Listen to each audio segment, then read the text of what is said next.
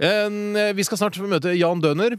Mm. Han har du, det er han som, du har møtt han. Jeg har møtt han. eh, Jeg er jo prøver å slå et slag for norske reglesmer. Vi er jo et, veldig- vi er et i-land når det kommer til det å finne på gøyale vendinger og ordtak. Mm. Så, men de har ikke noe rettighetsbeskyttelse i lovverket. Nei. Og det prøver jeg å sette fokus på ved mine reportasjer. Mm.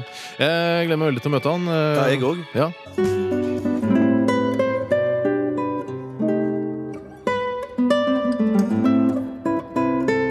Altså, uansett hvor mye du rister inn boa, de siste dråpene havner alltid på skoa. Og ingen skade skjedd, ingen skjede skadd. Begge dem er mine. Ja, ja!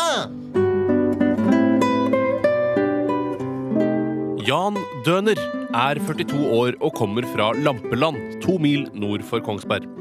Der driver han sin egen urmakerbedrift sammen med sine to mongoloide sønner, Bøtte og Isbilen. Altså, jeg ga en frihet til å velge fornavn sjæl. Ja, ja! I tillegg til å være en fingernem håndverker er Jan Døner også reglesmed og ordtrikser, som så mange andre nordmenn. Men som dem lider også han under at det ikke finnes hjemmel i lovverket for rettighetsbeskyttelse av artige vendinger og ordtak. Altså, uansett hvor mye hun rister inn boa, de siste dråpene havner alltid på skoa. Var faktisk noe som bare ramla ut av meg da jeg sto i pisserenna på et klokke- og brilleseminar på Tjøme Fjordhotell i 1983 og snakka med meg sjæl. Og folk rundt meg tok den ikke først, og etter hvert eh, sank inn hos folk, da, så begynte de å humre og le. Og det ble kveldens store punchline. Ja, ja, alle gikk rundt og sa det. Ja, ja. Jan Døner tok kontakt med patentkontoret for å prøve å rettighetsbeskytte sin oppfinnelse, men der ble han møtt med en kald skulder.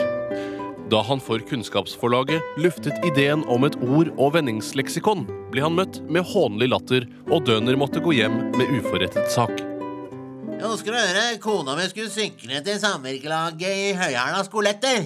Og hun sykla nedi ei dump i veien, da, så hele kroppen hennes skøyt framover landet brak i midtstanga. da. Og til alt hell så var skambeinet like helt, tror jeg, der, og da smalt det fra meg. da. Ingen skade skjedd, ingen skjedde skadd.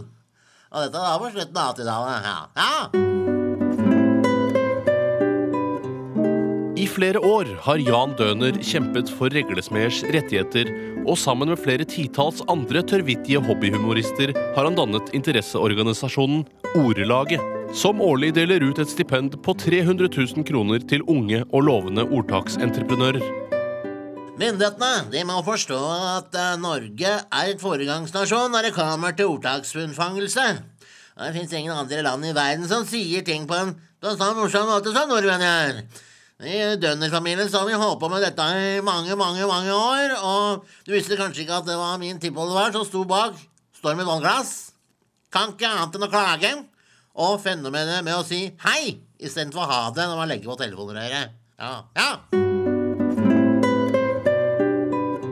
Etter det NRK erfarer, finnes det i Kulturdepartementet ingen planer om å bedre norske reglesmeders forhold. Så inntil videre bør man kanskje bare sitte på sine regler og vendinger til et nytt lovverk foreligger. Takk for i dag. Ha en trivelig dag.